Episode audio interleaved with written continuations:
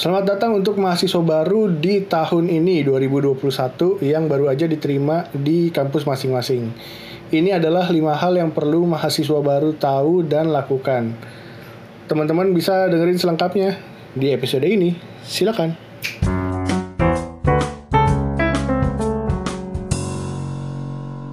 Hai, sekarang lo lagi dengerin podcast Kapan Lulus. Buat pendengar baru, podcast ini itu ngebahas tentang podcast ini itu.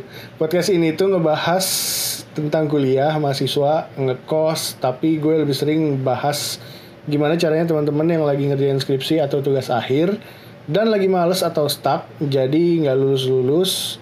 Nah, kira-kira gue akan ngebahas tentang itulah gue akan ceritain gimana caranya waktu dulu gue selesaikan masalah itu. Dan teman-teman bisa dengerin juga episode sebelumnya berdasarkan judul. Butuhnya apa dicari aja berdasarkan judulnya. Dan gue baru upload lagi ini setelah udah lama banget nggak upload.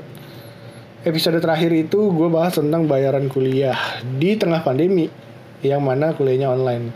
Oke sekarang kayaknya lagi periode penerimaan mahasiswa baru ya Selamat buat teman-teman yang baru aja naik kelas uh, dan sekarang udah jadi mahasiswa. Terutama buat adik gue sendiri, uh, akhirnya dia diterima juga di universitas. Uh, akhirnya dia diterima juga di universitas negeri setelah dua tahun nunggu dan nganggur.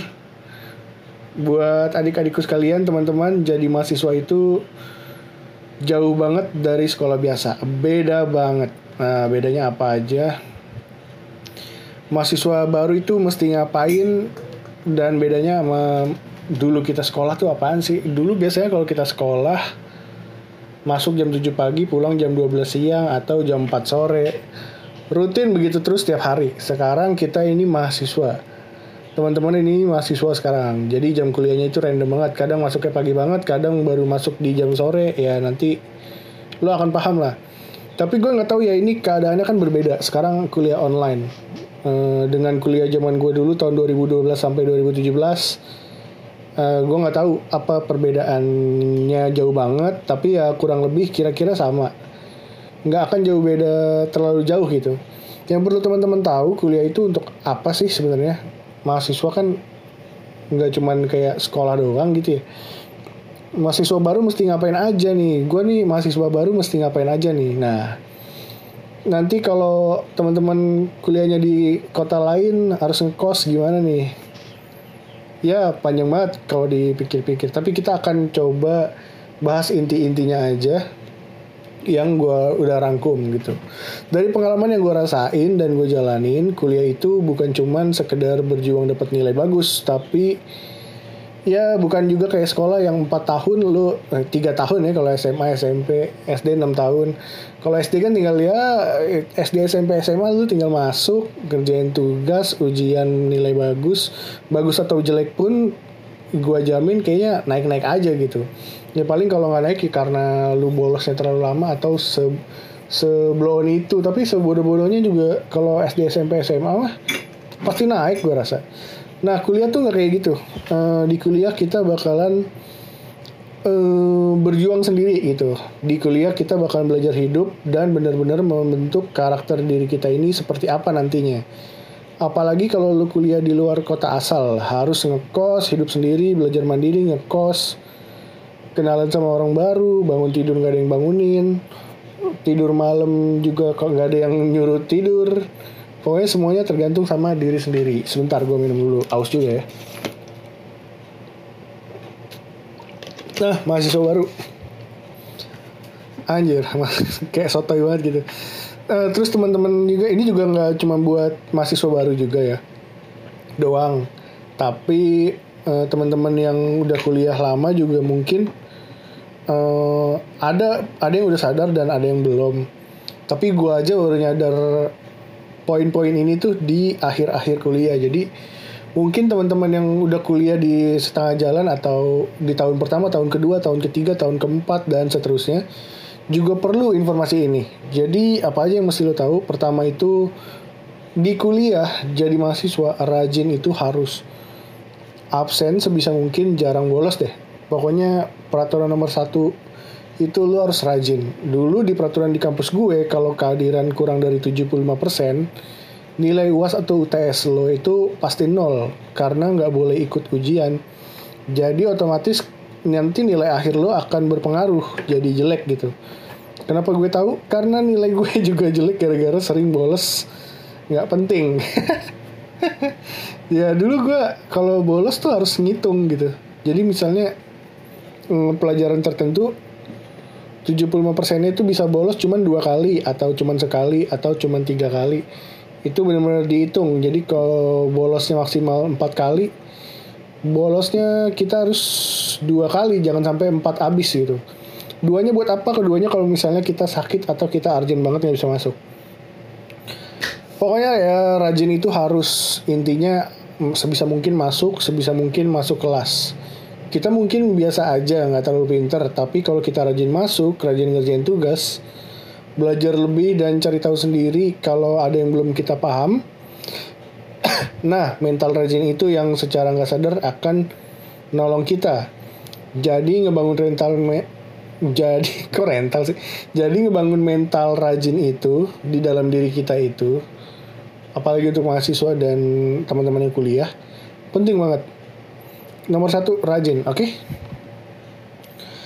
Yang kedua, adaptif. Adaptif nih maksudnya bisa beradap gampang beradaptasi, mudah beradaptasi.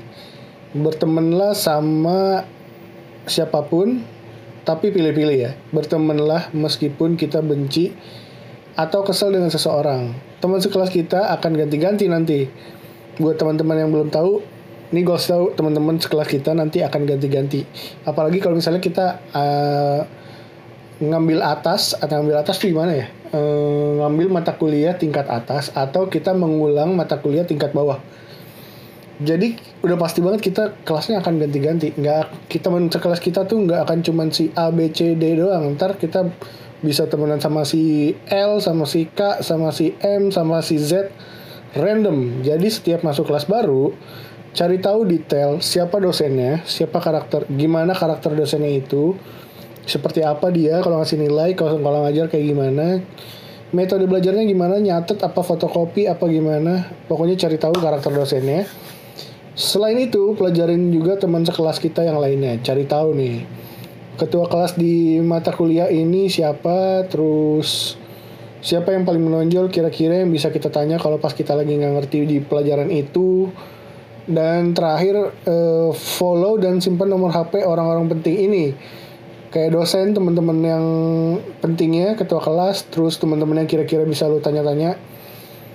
Itu wajib banget nggak boleh gengsi. Lo harus nge-save nomor dia. Meskipun ada grup di kelas tapi kalau lo udah nge-save duluan itu lebih aman aja. Simpen semua kontaknya biar gampang dan pasti ada kalau misalnya lo butuh. Untuk bertanya-tanya adaptif ya. Uh, ketiga. Ketiga nih sebagai pelajaran hidup juga kita harus mandiri. Sekarang itu lo masih sekarang itu lo mahasiswa bukan anak kecil lagi. Belajar mandiri itu harus segala sesuatu sebisa mungkin tanpa orang tua kita atau bantuan orang lain. Jadi mulai dari belajar ngatur hari kita sendiri itu penting banget jam tidurnya diatur jam belajar bangun tidur sendiri itu diatur.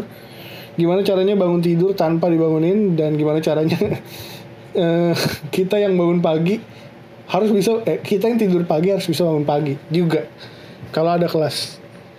Itu penting banget karena dulu gue kesekip jadi gue nggak bisa ngatur diri sendiri.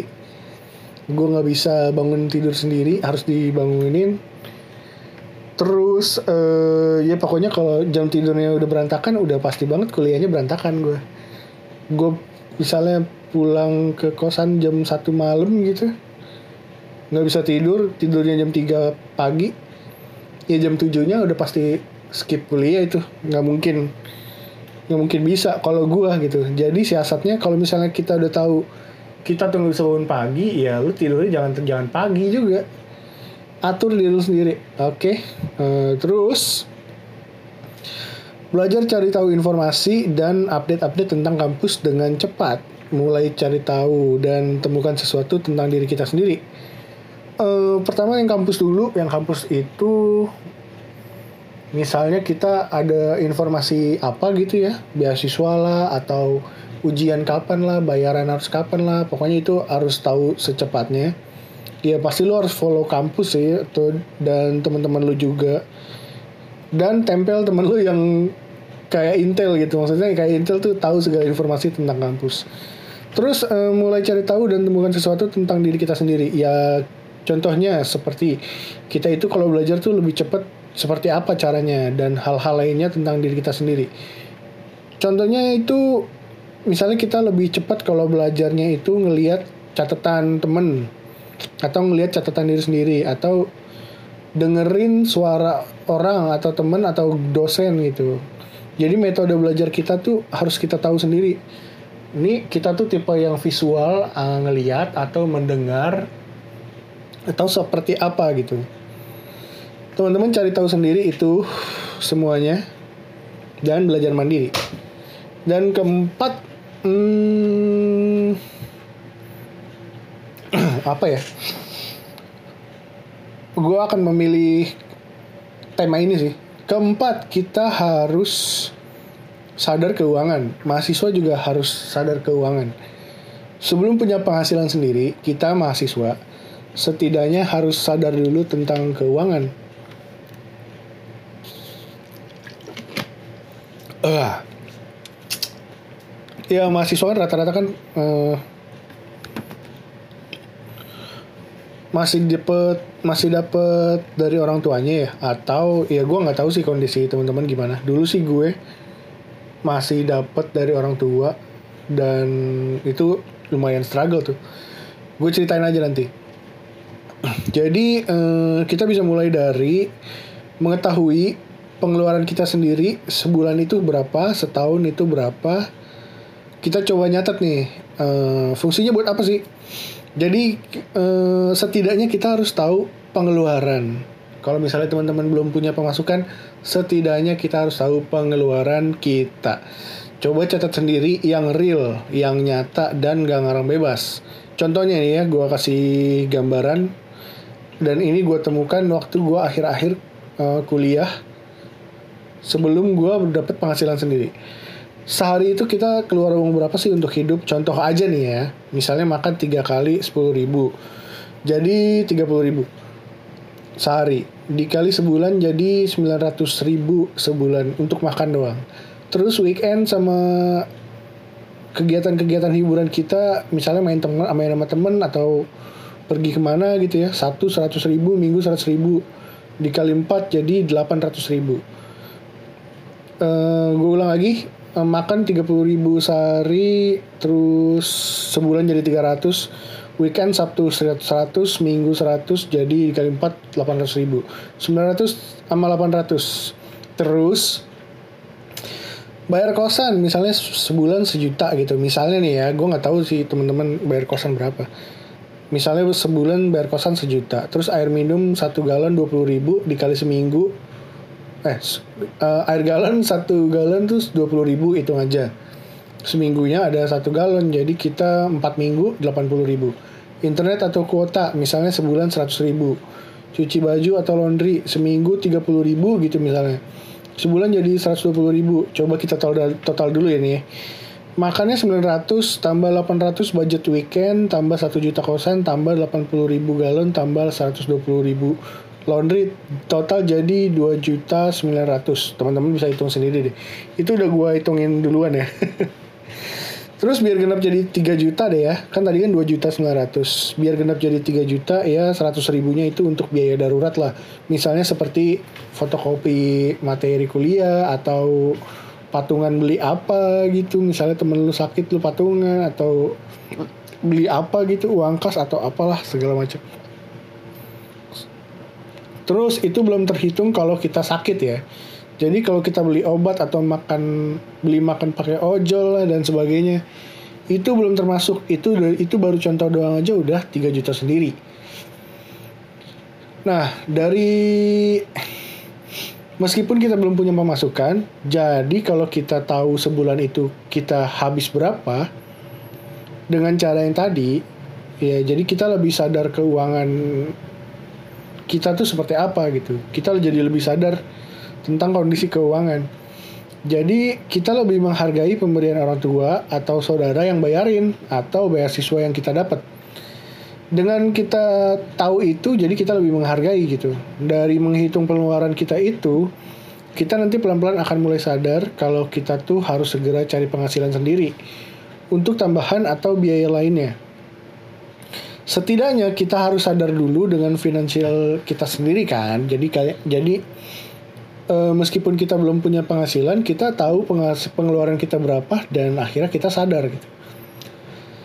Dapat ya maksudnya dari poin nomor 4 tentang keuangan ini.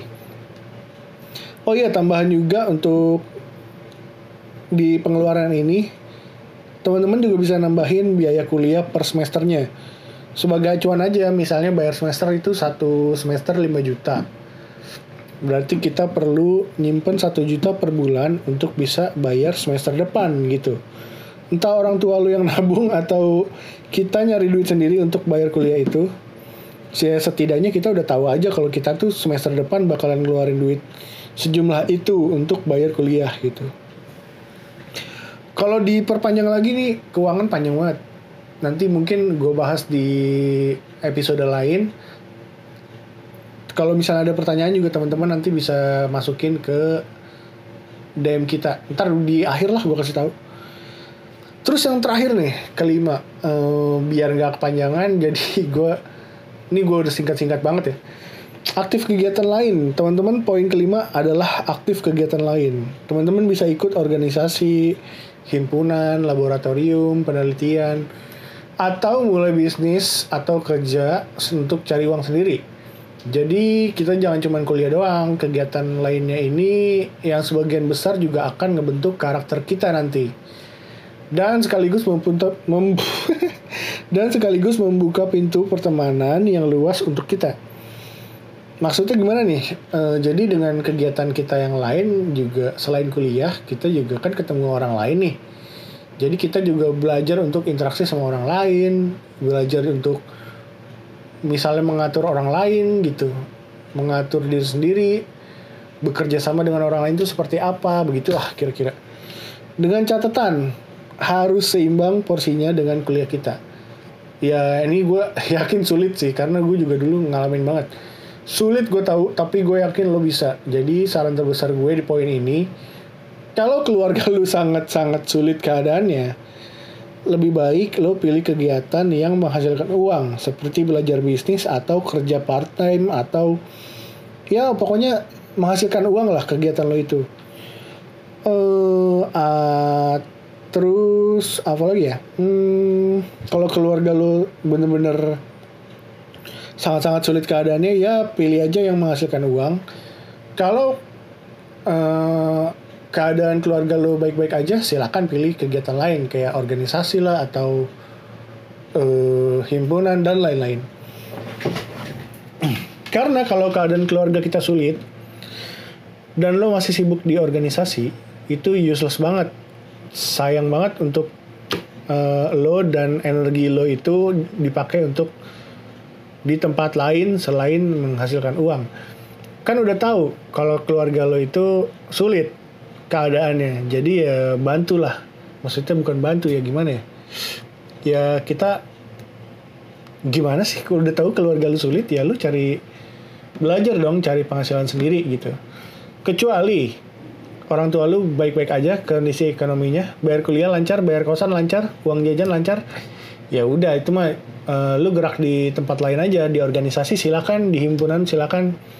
Melakukan penelitian dan laboratorium silakan atau kerja sosial silahkan yang lain-lain. Tapi inget banget nih penting banget nih pesan gue kalau keluarga lu sangat-sangat sulit keadaannya carilah kegiatan yang menghasilkan uang untuk diri lo sendiri setidaknya.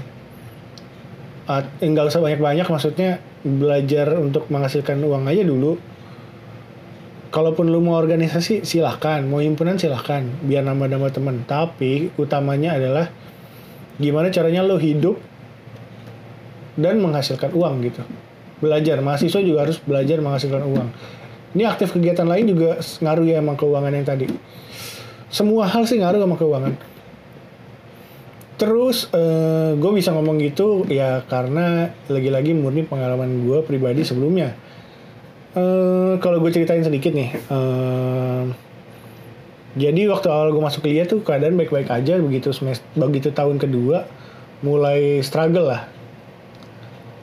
Tapi gue malah aktif di organisasi yang ya gue ngeband gitu. Bukannya gue nyari nyari tahu gimana caranya nyari duit sendiri buat gue hidup tapi gue malah sibuk di organisasi. Bikin event segala macem lah. Emang sih uh, ada manfaatnya cuman kalau gue pikir-pikir kenapa dulu gue nggak belajar menghasilkan uang gitu jadi gue nggak usah ngerepotin lagi tapi itu nanti agak panjang lagi, jadi uh, sementara segitu dulu. Uh, selamat berjuang untuk mahasiswa baru. Ada lima poin ya uh, untuk hari ini. Jadi yang pertama itu gue ulang lagi. Yang pertama rajin itu harus hati-hati, jaga kalau bolos dihitung. Yang kedua adaptif. Bertemanlah meskipun lo benci atau kesal dengan seseorang. Karena kita nggak tahu kapan kita butuh dia gitu. Yang ketiga mandiri. Karena kita apalagi kalau teman-teman yang kuliahnya di luar kota jauh di dalam kota pun meskipun teman-teman gak tinggal di kos atau masih tinggal di rumah juga harus mandiri ya. Jangan apa-apa orang tua gitu. Dan yang keempat sadar keuangan dan yang kelima aktif kegiatan lain. Oke lah, kayaknya biar nggak terlalu panjang segitu dulu. Selamat berjuang untuk mahasiswa baru. Tepuk tangan dulu. Semoga podcast ini bermanfaat ya. Kalau teman-teman punya pertanyaan, kirim ke gue ke DM Instagram kapanlulus.id atau ke email info.kapanlulus at gmail.com info titik kapanlulus at gmail.com Nanti gue jawab di episode berikutnya kalau ada pertanyaan. Uh, udah dulu lah ya, gue juga udah mulai serak, ini jam 5 pagi. Teman-teman, terima kasih udah mau dengerin podcast ini. Please kasih feedback ke gue. Mention atau DM ke Instagram at kapanlulus.id. Kalau teman-teman lagi dengerin ini, di screenshot, di share aja ke Instagram story gitu. Terus kasih tahu teman-teman, teman-teman menurut teman-teman gimana pendapat lo tentang podcast ini. Kalau suka ya bantu di share, kalau kurang suka tolong dikasih komentarnya. Kurang sukanya di bagian mana, nanti mungkin bisa diperbaikin gitu. Um, tujuan gue sih bikin ini biar teman-teman punya apa ya tektokan lah buat diskusi gitu. Karena dulu waktu gue kuliah gue mau ngobrol gitu atau nanya-nanya sama orang lain gitu. Siapa ya? Nanya siapa? Katanya tahu terus apalagi dunia digital sekarang udah maju jadi kalau misalnya punya kesulitan ya tinggal nanya aja ngobrol gitu.